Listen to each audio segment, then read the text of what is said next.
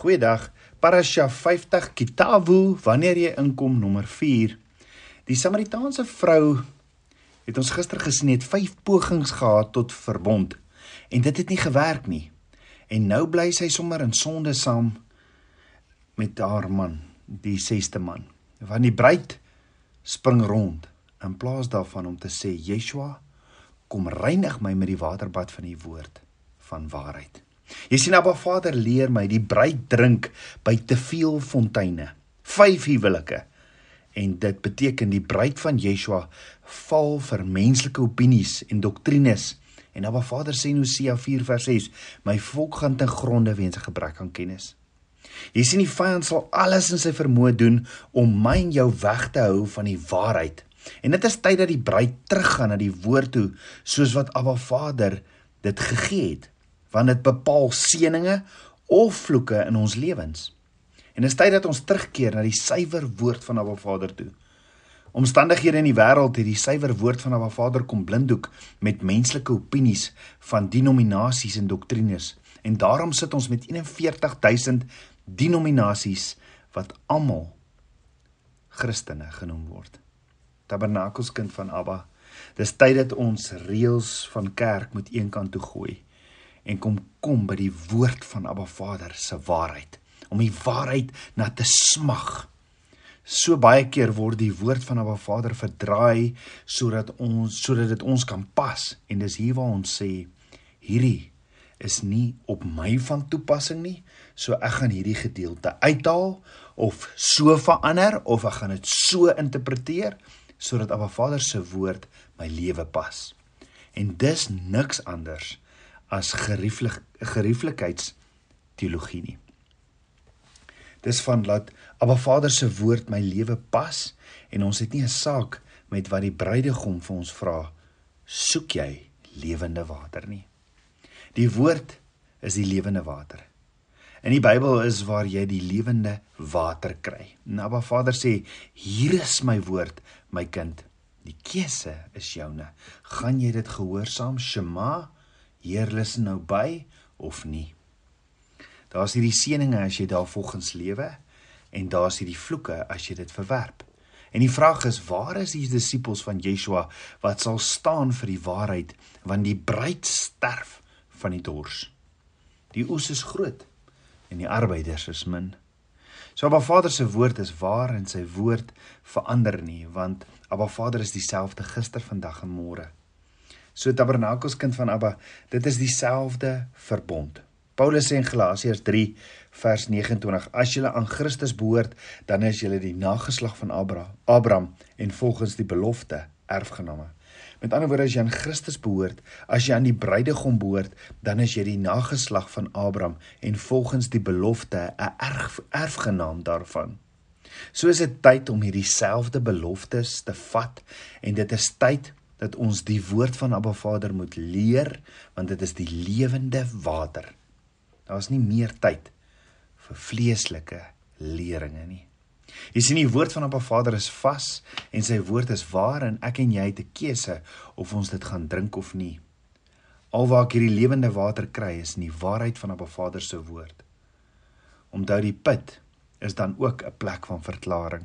Dit is tyd dat ons na die plek toe gaan waar ons bely, daar's net een God. Daar is net een woord van waarheid en ek sal lewe volgens dit. En Abba Vader wil hê ons moet na die bruidegom, na ons bruidegom toe kom en ons moet kom drink van die put van lewende water. So kan ons asseblief al die boeke wegskuif van menslike interpretasies en kom ons maak die woord van Abba Vader oop.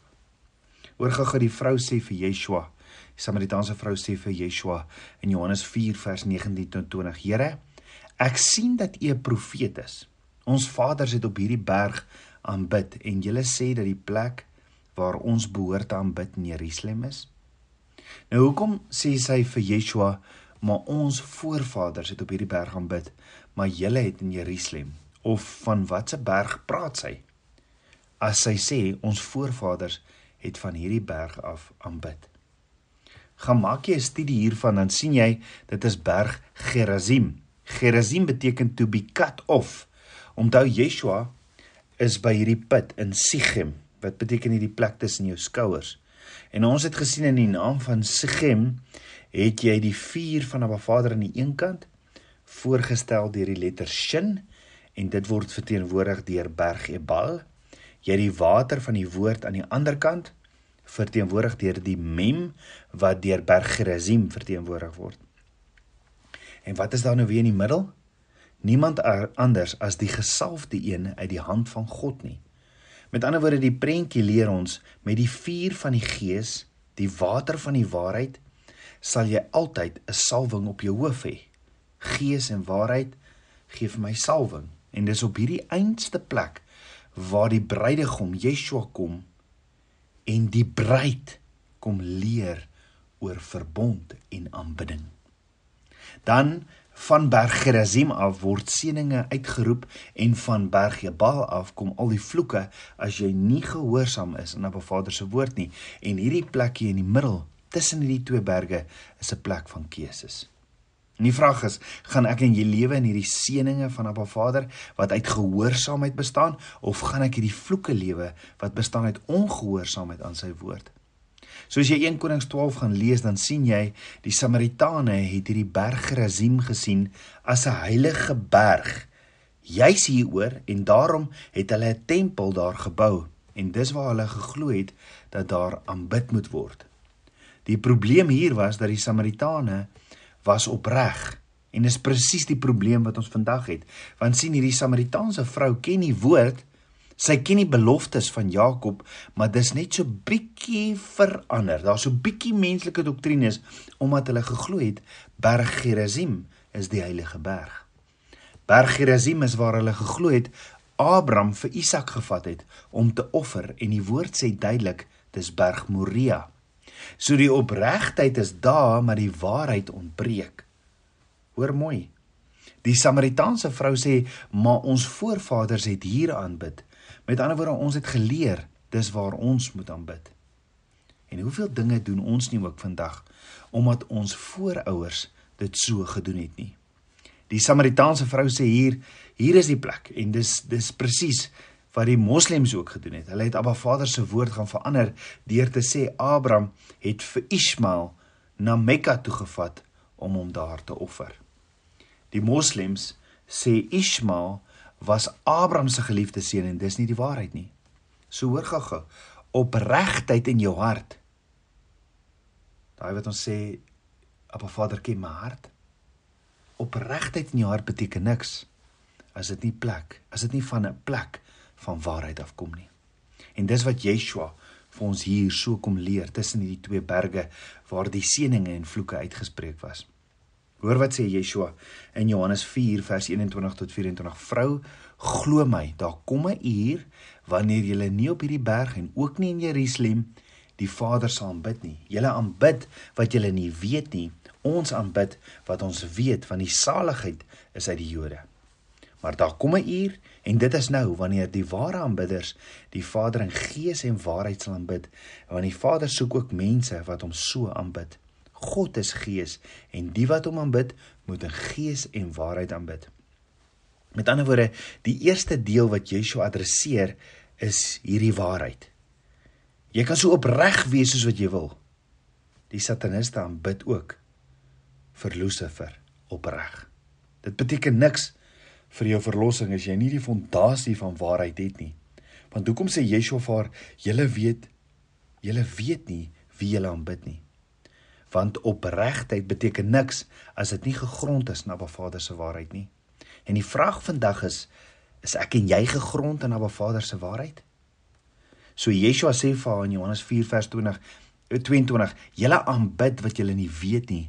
Ons aanbid wat ons weet want die saligheid is uit die Jode. So wie is die ons van wie Yeshua praat?